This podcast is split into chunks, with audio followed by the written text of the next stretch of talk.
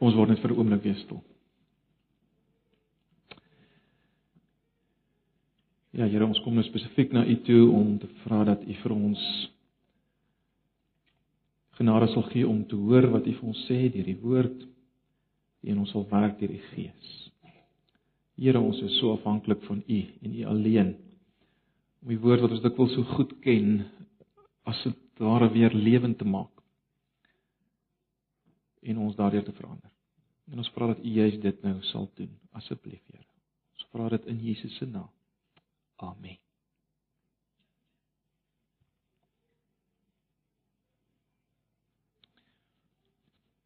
Kom ons bly in ons Bybels na, na Romeine 8. Julle sal onthou ons na die eerste 4 verse gekyk. Vanoggend gaan ons kyk na vers 5 tot 8 of ons gaan begin begin kyk na uh, vers 5 tot 8. Ek het besluit om 'n bietjie langer stil te staan op uh, Romeine 8 omdat dit so 'n wonderlike uh, diep bood, uh, boek is. So uh, ons gaan 'n bietjie stadiger in die prediking daaraan spandeer, tyd daaraan spandeer. Maar kom ons blaai na Romeine 8 en dan lees ek net vanaf vers 5 volg. Ek gaan maar die 53 vertaling lees, maar ek gaan wel verwys na die 83 vertaling. Vers 5 sê want die wat vleeslik is, bedink vleeslike dinge, maar die wat geestelik is, geestelike dinge. Want wat die vlees bedink is die dood, maar wat die gees bedink is lewe en vrede omdat wat die vlees bedink vyandskap teen God is want dit onderwerp hom nie aan die wet van God nie want dit kan ook nie. En die wat in die vlees is, kan God nie behaag nie. Net daai paar verse lees en dan gaan ons so so ek sê uh as die Here wil vir twee sonne naby stil staan. Nou, as ek vanoggend wil sou vra, wat is die verskil tussen 'n vark en 'n skaap? Dan dink ek sal ons uh, redelik maklik almal uh, 'n uh, antwoord kan gee en ons antwoord sal waarskynlik ehm uh, grootendeels dieselfde lyk of ten minste van dieselfde elemente hê, né? Uh want ek meen 'n skaap en 'n vark lyk anders op die oppervlak. Hulle lyk totaal anders. Uh, uh, hulle hulle eet ander goed. Hulle hele habitat verskil. So dis nie so moeilik. As ek regte volgens so vra, wat is die verskil tussen 'n Christen en 'n nie-Christen?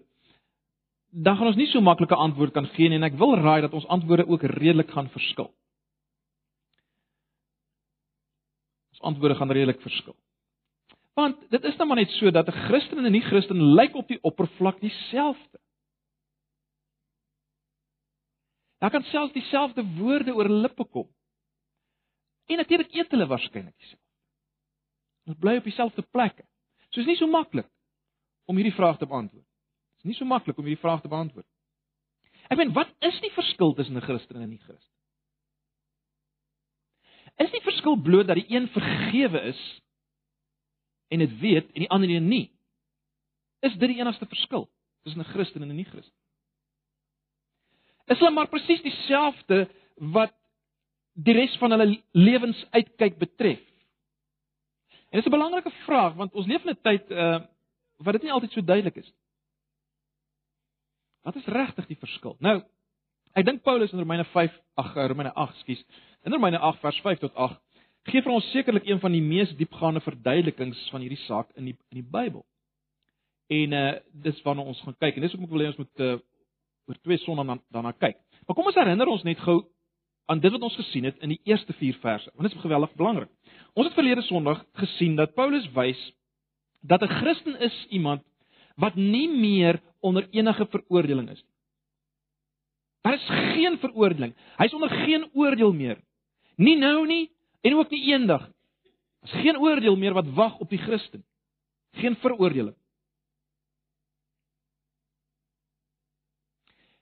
Selfs al sondig hy nou, plaas dit hom nie weer in 'n posisie van veroordeling nie. Hoekom? Hoekom is dit so? Want het Paulus gewys, die Christen is iemand wat oorgebring is as jy wil, wat oorgebring is van 'n posisie onder die wet. Die ou stelsel, die hele ou verbondstelsel, die hele wetstelsel. Die Christen is iemand wat oorgebring is vanuit daai posisie na 'n nuwe posisie, 'n posisie wat genoem kan word in Christus Jesus. Dis hoekom hy sê daar's geen veroordeling vir die wat in Christus Jesus is. En hierdie persoon in Christus Jesus is nou onder 'n nuwe bedeling, die bedeling van die Gees. Maar maar as ons dit hoor as hy sê daar's geen veroordeling vir die wat in Christus Jesus is nie, is dit net logies. Daar is nie meer veroordeling nie want Net so min soos daar veroordeling vir Jesus is, is daar vir jou as jy in hom is. En dis die waarheid van die Nuwe Testament. 'n Christen is iemand wat in Christus Jesus is. Jy's nou onder 'n nuwe bedeling. Jy's nie meer onder die bedeling van die wet nie, maar onder die bedeling van die Gees in Jesus. En daarom selfs as jy sondig, sondig jy nou van 'n totale ander posisie. Die die persoon die nie-Christen sondig van 'n posisie as te ware onder die wet as ek dit so kan stel. En daarom as hy sondig bring dit veroordeling. Die Christen se sonde is binne 'n heel ander posisie. Dis in 'n in 'n in 'n verhoudingsposisie. Dis so goed soos 'n oortreding binne 'n familie teenoor 'n familielid of teenoor jou man of jou vrou. Dit bring jou nie weer in veroordeling nie. Die verhouding word geskaad. Ja. Maar dit kan jou nie in 'n posisie van veroordeling bring nie. So dis die eerste ding. Daar's geen veroordeling meer, het Paulus gesê vir die wat in Christus is, vir die Christen. Julle sal onthou, ons het daarop gewys dat die wet Daardie hele ou stelsel het lewe beloof vir die wat dit nakom. Romeine 7 vers 10 verwys daarna. As Paulus sê die wet wat vir my lewe moes bring, dit vir my gebleik die dood te bring, né? Vir my as mens onder die wet, die die Jood onder die wet. Maar maar die punt is die wet het beloof om lewe te gee. Maar dit kon dit nie gee nie, nie omdat daar iets verkeerd was met hierdie wet nie. As gevolg van sonde kon dit nie hierdie lewe gee wat dit beloof het nie. Om die waarheid te sê, al wat die wet kon doen, is om die hele situasie te vererger, né? Nee. En om as te ware mense onder die wet op 'n pad van die dood te plaas en uiteindelik veroordeel. Dis al wat die wet kon doen. Die rede waarom die Christen nie meer onder die veroordeling staan van die wat onder die wet staan nie, wat die wet as te ware bring nie, uh is omdat God iets gedoen het wat die wet nie kan doen nie. En dis vers 3, né? Nee, onthou julle. God doen iets wat die wet nie kon doen nie. Jy sien die wet kon niks doen aan sonde nie. Nou, ons het dit gesien. Ek bedoel, al wat die wet doen is laat hierdie sonde oplewe.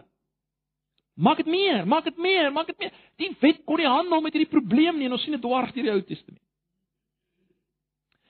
Maar God kom in die persoon van Jesus, God wat mens word, God die Seun, sy eie seun kom hy en die ongelooflike wat hy doen is dit. Ons het gesien in hoofstuk 13 uh, in in in in hoofstuk 7 vers 13b uh verwys Paulus na die feit wat dat dat die dat die sonde die hele rede vir die wet is sodat die sonde al meer sondig kon word. Met ander woorde laat, laat sonde as te ware kon groei tot sy volle potensiaal. So God in sy groter plan gee hierdie wetstelsel sodat sonde kan duidelik word. Sodat sonde as jy dit as jy dit so wil stel, kan groei tot sy volle potensiaal. En en ongelooflike is dit groei in Israel, sy eie volk, tot sy volle potensiaal, tot sy volle grootte. Hoekom doen God dit? As hy geweet het dis wat die wet gaan veroorsaak. Wel, sodat God in Jesus die plaasvervanger van Israel, die ware Jood, Jesus die Messias kon handel met hierdie sonde. Hy gaan onder dit in en hy sterf as 'n mens met 'n liggaam sterf hy vir sonde, nie sy sonde nie, maar ons sonde wat op hom gelaai is, né? En, en dit is natuurlik 'n beginsel waarmee Paulus al werk in Romeine 6 dat ons was in Christus Jesus as gelowiges. Was ons in Jesus toe hy gesterf het en toe hy opgestaan het uit God se perspektief staan 'n nuwe mens op. Daardie mens is nie meer onder veroordeling. En daardie mens kan nou uh leef onder 'n nuwe bedeling, die sogenaamde wet van die Gees. 'n Nuwe bedeling waarvan vers 2 al praat. En dit het ons gesien dat vers 4 maak dit baie duidelik, nou kan en en die vertalings verskil daar, die ou vertaling sê die 53 sê nou kan die reg van die wet vervul word in die wat nie wandel volgens die vlees nie, maar volgens die Gees. Die uh 83 vertaling sê nou kan ons aan die eise van die wet voldoen. Nou die die die, die vertaling van 'n meervoud daar eise is is is 'n foutiewe vertaling, né? Nee. Uh dit gaan nie oor eise nie, dit gaan nie oor 'n meervoud. Dit gaan oor 'n enkelvoud. Die sogenaamde reg van die wet. Die wet het iets vereis, iets verwag. Wat?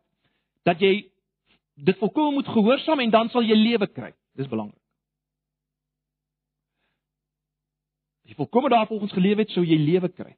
En nou sê Paulus: Kyk, Onder die wetsbedeling kon niemand dit bereik nie. Jy, jy het eintlik jouself, jy het net dood gekry. Die lewe wat die wet beloof het toe hy gesê het, doen dit en jy sal lewe. Die, onder die wetsbedeling kon jy dit nie kry nie, maar nou sê Paulus, hierdie reg van die wet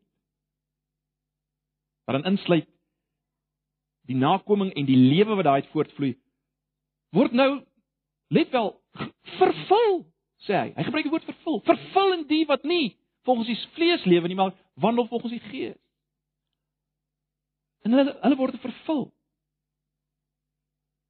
Dit is 'n geweldige stelling en hulle word vervul hierdie lewe wat die wet nie kon bring kan nou gegee word vir 'n Christen want want in Jesus is daar voldoen aan die vereistes van die wet en en en nou kan ons al meer lewe begin leef wat die wet wou gehad het daar moes wees as Christen. So dis waarna ons gekyk het in die eerste 4 vers. Nou is die vraag verder nou maar, maar hoekom is dit net in hierdie mense wat hierdie lewe wat die wet beloof het vervul word? Uh, wat is anders aan hulle? Hoe lyk hulle? Hoe lyk hulle binne-in as ek dit so kan sê? Ons het gesê 'n Christen en 'n nie-Christen kan op die oppervlak baie dieselfde lyk en dieselfde eet. En dieselfde plek bly, maar is daar geen ander verskil nie en dis wat Paulus nou kom aanspreek in vers 5 tot 8. En ek gaan baie kortliks vanoggend uh daaroor praat. Baie belangrik Die eerste ding wat ons moet raak sien of wat ons moet verstaan is dat Paulus gaan hier in vers 5 tot 8 die radikale verskil wys tussen twee groepe mense. Die radikale verskil tussen twee groepe mense. So as daar enigstens 'n gedagte in jou kop vandag is dat Christen en Christene baie maar dieselfde man. Jy nou is net vergewe en die in 'n As 'n radikale verskil. En Paulus gaan dit uitwys. Let wel, belangrik, daar's net sprake van twee groepe mense. Christene en nie-Christene. Die in die vlees en die in die gees. Daar's nie daar's nie sprake van Christene wat nog vleeslik is en en en uh ander Christene wat meer geestelik is. Daar's net twee groepe. Hier. Dis net twee groepe. Ek sal net weer 'n opmerking daar maak. Want dit is baie belangrik. Daar's net twee groepe. Daar's net twee groepe mense in die wêreld, Christene en nie-Christene. Is ons wat allerlei ander kategorieë byskep om onsself gemaklik te maak. Ek wil mense hoor selfs terme soos hierdie is hierdie hierdie ou is regtig 'n wedergebore Christen. Nou wat op aarde is dit? Is die ander Christene nou nie wedergebore? Nee, ek ek ons is gesinlose goed wat ons uitdink.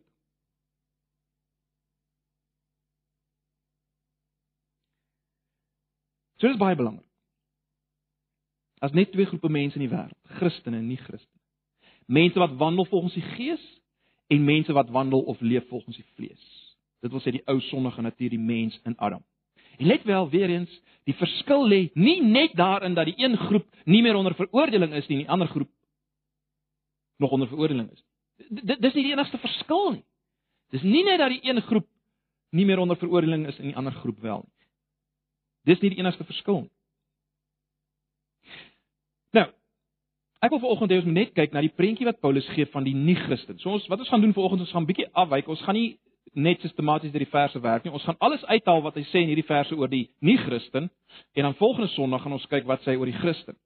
En uh ek vertrou dit sal ons help om om om beide posisies beter te verstaan. Beide die nie-Christen posisie en die Christen posisie beter te verstaan as ons eers apart afsonderlik kyk na die nie-Christen en dan na die Christen.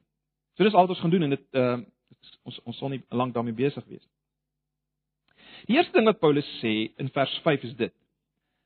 Die eerste ding van die nie-Christen is dit, hy beskryf die nie-Christen so. Kyk na die 53 vertaling, ek gaan eers dit lees. Hy praat van want die wat vleeslik is. Die 83 vertaling interpreteer dit al op 'n manier en stel dit so: die wat hulle deur hulle sondige natuur laat beheers. Maar kom ons werk net eers met die 53 vertaling. Daarmee sê ek nie die 53 uh, 83 is verkeerd nie, maar soos ek sê dit is dis alreeds 'n sekere interpretasie. So kom ons werk net eers met die met die letterlike een. Die wat vleeslik is. Dis die oorkoepelende as jy wil beskrywing van 'n nie-Christen. Hy is iemand wat vleeslik is. Wat bedoel Paulus?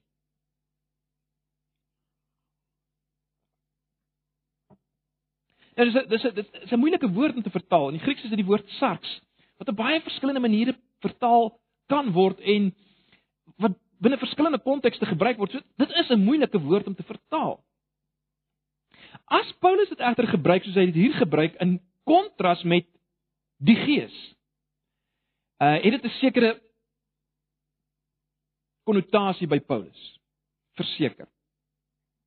Die woord vlees vir Paulus dui op die gefalle menslike natuur. Dui op die gefalle menslike natuur. Anders gestel, dis die menslike natuur voordat dit vernuwe word deur die Gees. Dis die dis die vlees. Dis die sarks, dis die vlees.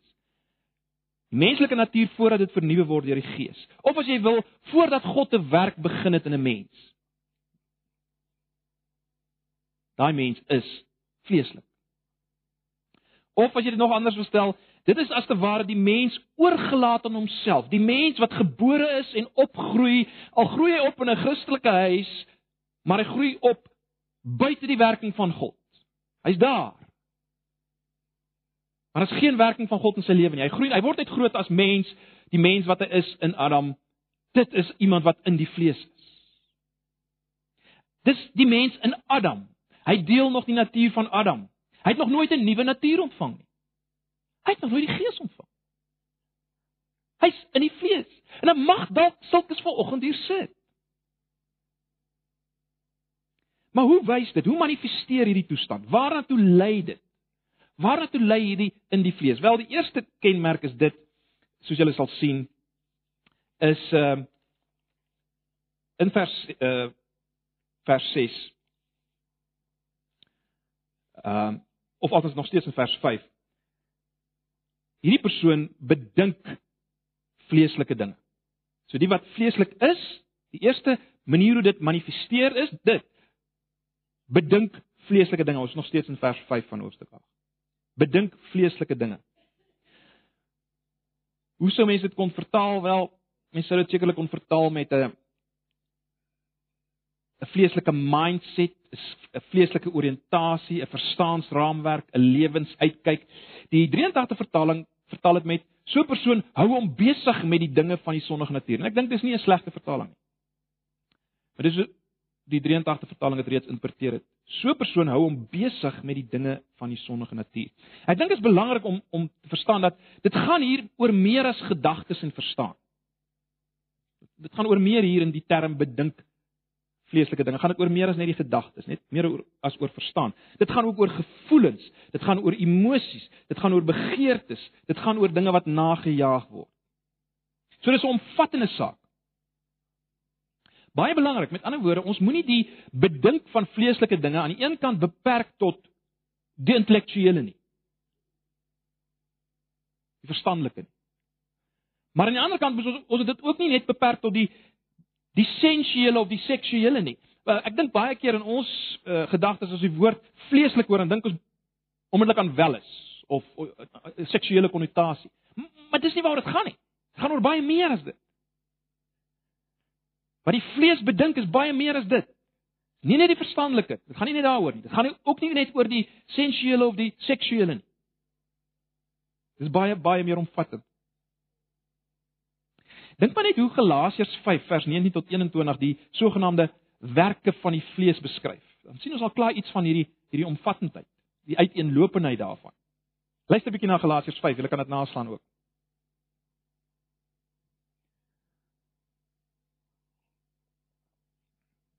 Paulus sê daar in Galasiërs 5 vanaf vers 19 die werke van die vlees is openbaar.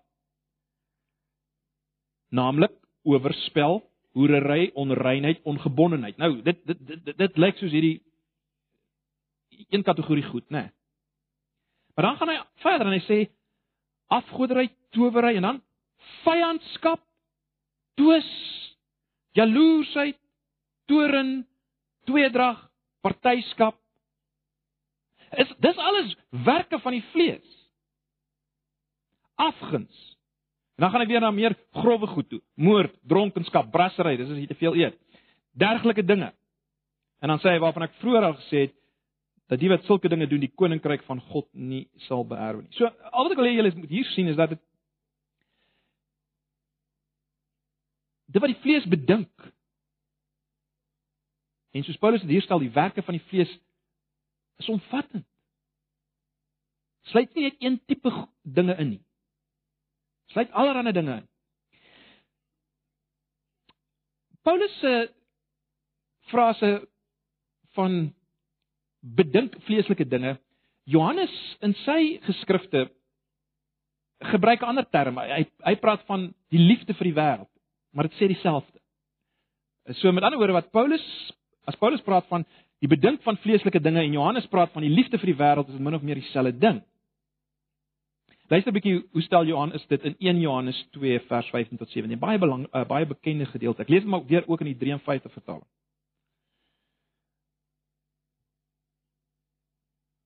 Hy sê moenie die wêreld lief hê of die dinge wat in die wêreld is nie. As iemand die wêreld liefhet, dan is die liefde van die Vader nie in hom nie. En dan beskryf hy die wêreld.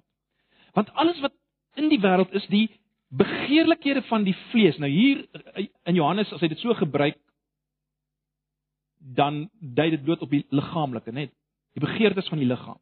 Die begeerlikheid van die vlees en die begeerlikheid van die oë en die grootsheid van die lewe sê Johannes is nie uit die Vader nie, maar is uit die wêreld. En die wêreld gaan verby en al sy begeerlikheid, maar hy wat die wil van God moet bly vir ewig. Die 83 vertaling vertaal die ehm um, grootsheid van die lewe met die gesteldheid op besitnis, my mooi vertaling. Maar goed. Wat kry ons hier in 1 Johannes is dat dat Johannes sê dat liefde vir die wêreld het te maak met liggaamlike begeertes, sensuele begeertes, seksuele begeertes, maar ook met intellektuele en estetiese begeertes. Alles wat die liggaam begeer, al die begeertes van die liggaam, maar ook al die begeertes van die oë. Estetiese, die intellektuele. Beide is die wêreld as God daaruit uitgesluit is. As die lewe van die Gees da nie daarin is nie. As die Gees daaruit uitgesluit word, die koninkryk van God nie daarin is nie. As dit met uitsluiting van God geskied, met geen denke aan God nie, geen inagneming van van wie hy is en wat vir hom behaag nie. Begeertes van die liggaam, begeertes van die oë, met ander woorde die intellektuele, eh, die estetiese en die liggaamlike, al daai dinge is die wêreld. Of dan die bedink, die bedink van vleeslike dinge. So alles wat staan teenoor die bedink van geestelike dinge, as dit waar is, of laat ek so sê, die bedink van dinge in die lig van die geestelike realiteit en die ewigheid en so meer. Al al daai dinge is is die denke van die vlees. Let wel, dis dinge wat nie in sigself noodwendig sleg is nie. Dit kan baie goed en mooi wees, maar God is nie deel van die prentjie nie.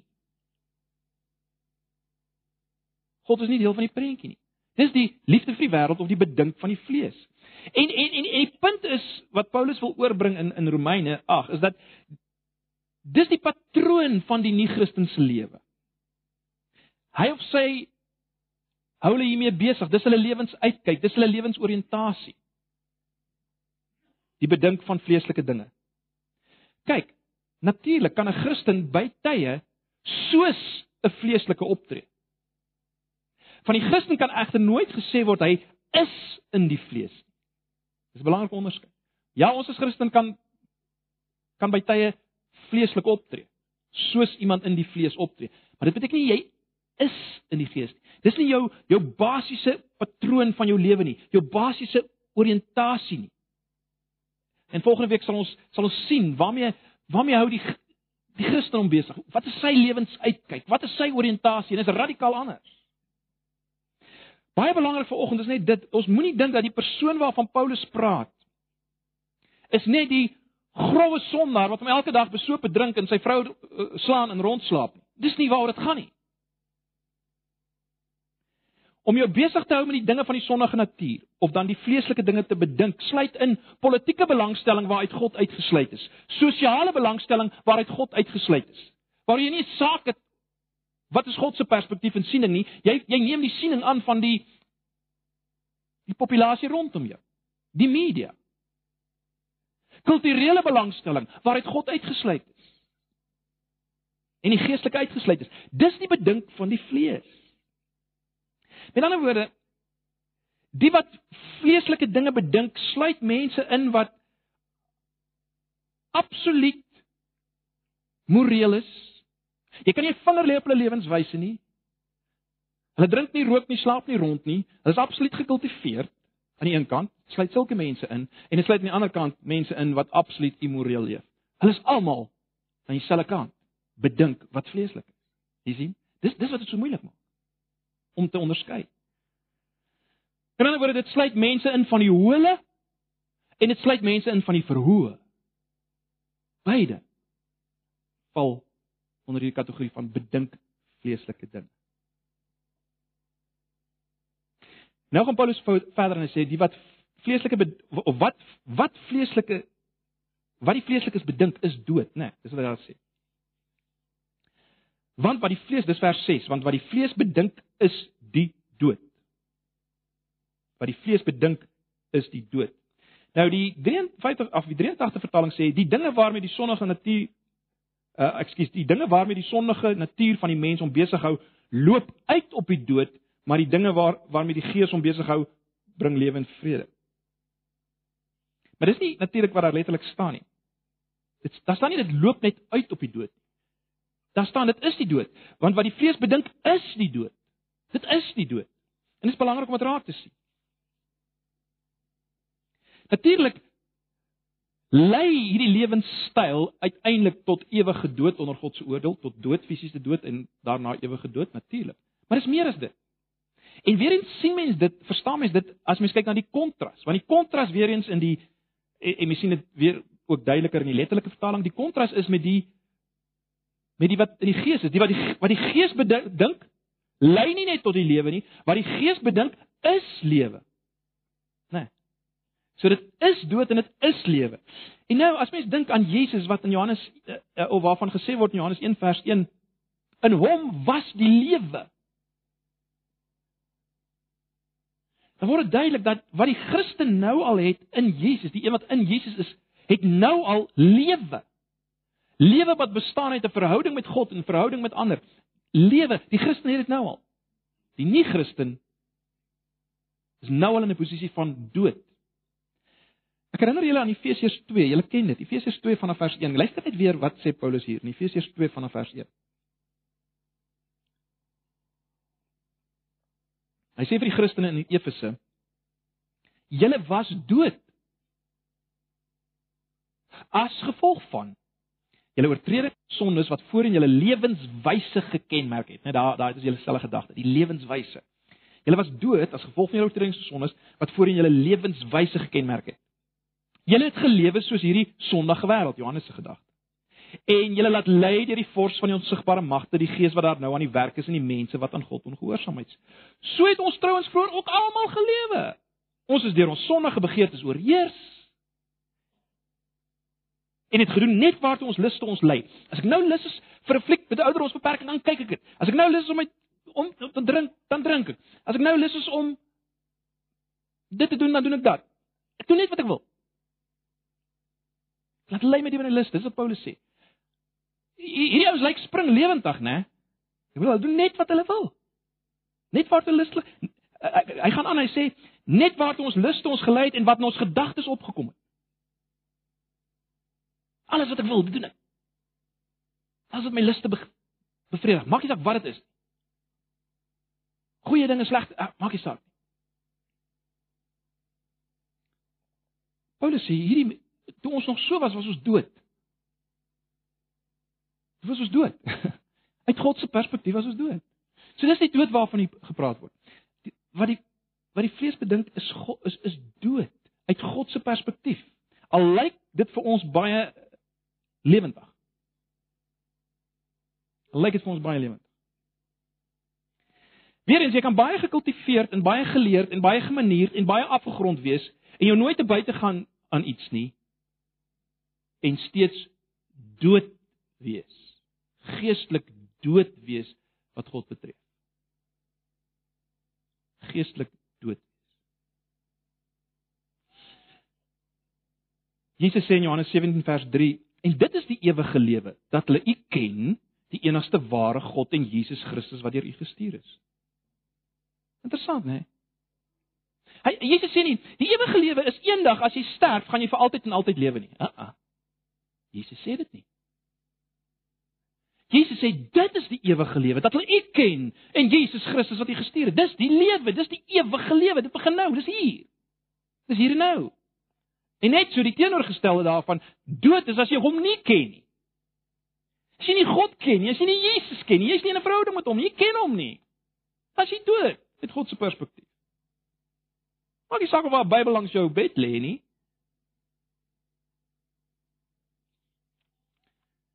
So, die lewe is nie net iets wat eendag kom nie en die dood is nie net iets wat eendag kom nie. Hoe word hoe word prakties sigbaar?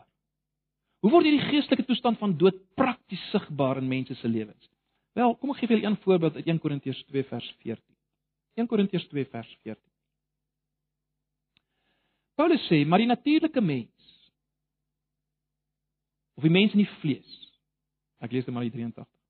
Die natuurlike mens neem die dinge van die gees van God nie aan nie, want dit is vir hom dwaasheid en hy kan dit nie verstaan nie, maar dit geestelik beoordeel word. Jy sien die ou wat in die vlees is, vir hom is die geestelike dinge dwaasheid. Dit is belaglik. Die persoon wat in die vlees is, kan nie verstaan hoe iemand 'n baie belowende beroep los om te gaan sendingwerk doen in Indië nie. Dit maak vir hom geen geen sin. Dit is absolute gekkerny. Dis dwaas. Want dit is geestelik dood. Dit lyk vir hom sinloos. Ek bedoel hierdie hierdie ou kan baie geld maak. Hierdie ou het 'n belowende beroep gehad. Hy nou nou gee dit alles prys vir vir mense van Jesus te vertel. Waar? Dit maak sin nie. Maar dit sal nie wat jy's dood. jy jy kan nie geestelik dink nie. Jy jy het nie geestelike uitkyk nie, raamwerk nie. Maak nie sin. So die die persoon wat geestelik dood is, dit manifesteer manifesteer baie duidelik. En dit wat hy dink sin maak en dit wat hy dink nie sin maak nie, né? Geestelike dinge maak nie vir hom sin nie. Om nou tyd te spandeer om te gaan bid terwyl jy lekker series kan kyk op die televisie. Wat maak nie sin nie. Maak nie sin nie. So, die wat in die vlees is. Bedink vleeslike dinge. Wat die vlees bedink, dit is dood. Dit is dood uit God se perspektief. Dit het niks te maak met die lewe in Christus en die ken van God en ken van Jesus.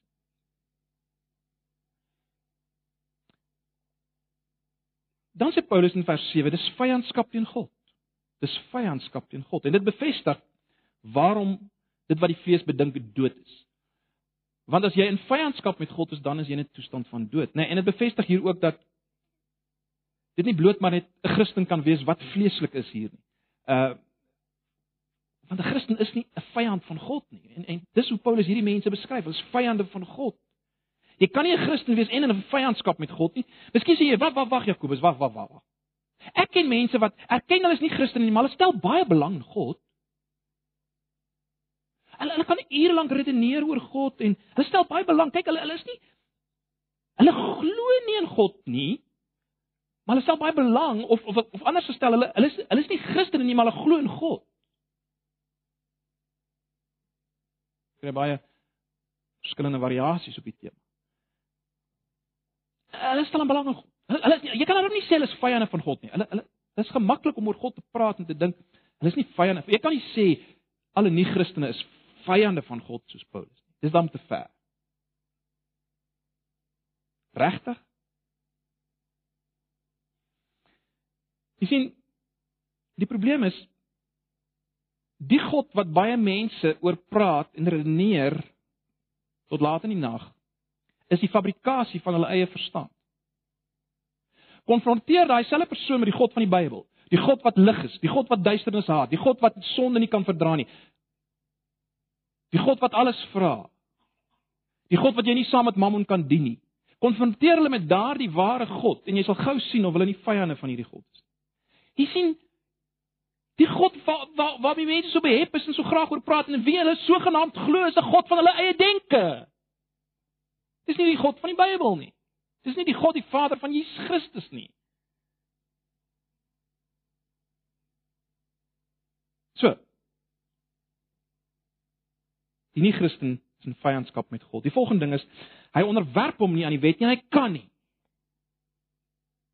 Men as jy 'n vyand is met God, dan rebelleer jy. Jy kan jou nie aan enigiets van hom onderwerp nie. En dis die hele punt. Maar meer as dit, hulle kan ook nie. Al sou hulle wou, hulle kan nie. Hulle is nie in staat nie. Hoekom? Want dit is in die vlees. 'n Mens in die vlees kan nie God nie. Kan nie doen wat God wil nie. Het vrede keer die voorbeeld gebruik is so goed jy jy jy jy, jy prop 'n gaslamp in in 'n muurprop. Gaan nie werk nie.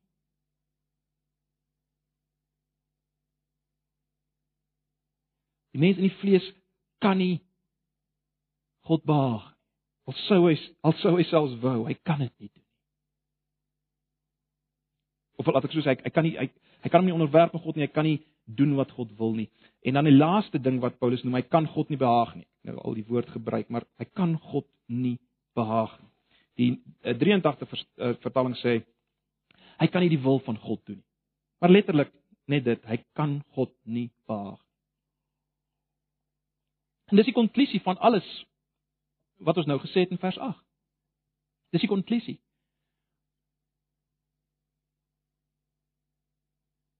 Hulle kan nie vrug dra nie. Ons het dit reeds in hoofstuk 7 vers 5 gesien. Kan nie vrug vir God voortbring terwyl jy in die vlees is nie. Jy kan nie. Jy kan alles probeer. Jy kan jouself pynig. Maar vasbyt. Sukkel om Bybel te lees, maar ek doen dit maar en ek kom maar jy sal jy sal nooit kan vrug dra vir God. Want jy is nog in die vlees. Wel dis hoe 'n nie-Christen lyk. En ek dink julle sal my saamstem, is baie duidelik, iets radikaal, iets bonatuurlik moet gebeur om so 'n persoon oor te bring vanuit hierdie toestand na 'n ander toestand. En die antwoord word natuurlik alreeds in hoofstuk 8 vers 2 gegee as as Paulus sê dat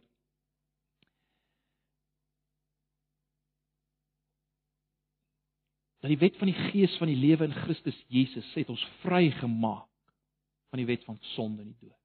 Daar moet 'n vrymaking plaasvind, 'n werk wat God doen. 'n Ingrype van God in jou lewe. God gee hierdie nuwe lewe. Maar goed, ons uh ons gaan nie nou daarop uitbrei, maar dit is baie belangrik broers en susters dat ons volgende dit sal sien. Jy sien as ons as ons wil weet wat is 'n Christen, uh help dit ons om te sien wat is 'n nie-Christen, want dan sien ons baie duideliker wat is 'n Christen. Natuurlik aan die ander kant is ook waar, weer eens. As ons sien wat is 'n Christen volgende week, gaan ons baie duideliker ook sien maar wat is 'n nie-Christen. Want ek dink baie van ons in die kultuur waarin ons leef is ons is ons denke vreeslik troebel oor wat Christene en wat nie Christene is nie. Want elke tweede ou kan 'n uitspraak maak van ek is 'n Christen en almal is so opgewonde daaroor. Maar die vraag is wat sê wat sê God Wat sê die woord? Wat is 'n Christen? Wat is 'n nie-Christen? So. Ek sluit af. Wat is jou posisie volgens? Wat is jou posisie werklik? Wat is jou posisie werklik? Wat is jou hele oriëntasie? Wat maak jou opgewonde? Wat maak jou hartseer? Waaroor dink jy elke dag as jy by jouself is op jou eie? Dis dis nog 'n belangrike toets, hoor. As jy alleen op jou bedjie lê, waaroor gaan jou gedagtes? dink jy oor dinge in verhouding en en, en jy moet nie verkeerd verstaan ek ek sê nie daarmee die Christen dink heeltyd net aan Jesus en God nie. Dis nie wat ek sê nie. Die die vraag is dink jy aan alles rondom jou in in in verhouding met die geestelike realiteit? Jy dink aan wat jy nou net gesien het daar by die winkel, al die mense daar, jy dink, "Jesus, jy wonder, Jesus, jy wonder hoe wat hoeveel van daai mense ken die Here." Dis nie so die Christen dink. Die nie Christen dink nie ogenaamd. Dit, dit is die vraag. As jy alleen is by jouself, in jou gedagtes, dink jy in verhouding tot die geestelike realiteit? Dis die vraag. Al is dit nog hoe min en hoe swak. Of is daar net niks? Dit gaan alles oor jou eie bevrediging. Dis waar jou eie gedagtes ook gaan. Dis dis 'n toets, toets jou, toets jou vanoggend, toets jouself. Toets jouself, waar is ek? Is ek regtig al in die gees? Het daar iets gebeur in my lewe of nog niks nie? Dis baie belangrik. Waar is my denke? Waar is my drome? Waar is my begeertes? Veral as ek alleen is. Ag broers en susters. Mag die Here ons help om om om dit raak te sien. Sodat ons kan vlug na die Here Jesus. Deur die geloof aan hom vasgryp. en kan kan begin wandel in die Gees. Nou as die Here wil, sal ons volgende week kyk hoe hoe lyk die Christen? Dis nou hoe die nie Christen lyk. Hoe lyk die Christen? Kom ons sit net so dan bid ons. Ag Here, baie dankie vir u woord. Dankie dat dit duidelik is dat ons kan sien wat u sê. Wil jy met ons elkeen in hierdie oomblik te werk en praat? Terugdryf na u toe. As ons vanoggend as u kinders hier sit, maar besef ons leef baie keer nog soos vleeslike mense. Plus ons nie in die vlees nie. Help ons om juis dan te begin om erns te maak met hierdie sonde, vleeslikheid om dit dood te maak. Maar as iemand is vanoggend wat nog sit en weet dit is my hele oriëntasie, dit is my raamwerk, ek is in die vlees. Ag Here, sal U nie iets doen in hierdie oggend nie. Asseblief. Ons vra dit in Jesus se naam. Amen. Mag nou die genade van ons Here Jesus en die liefde van God en die gemeenskap van sy Heilige Gees julle elkeen wat kinders van die Here is, wees en bly in hierdie dag. Amen.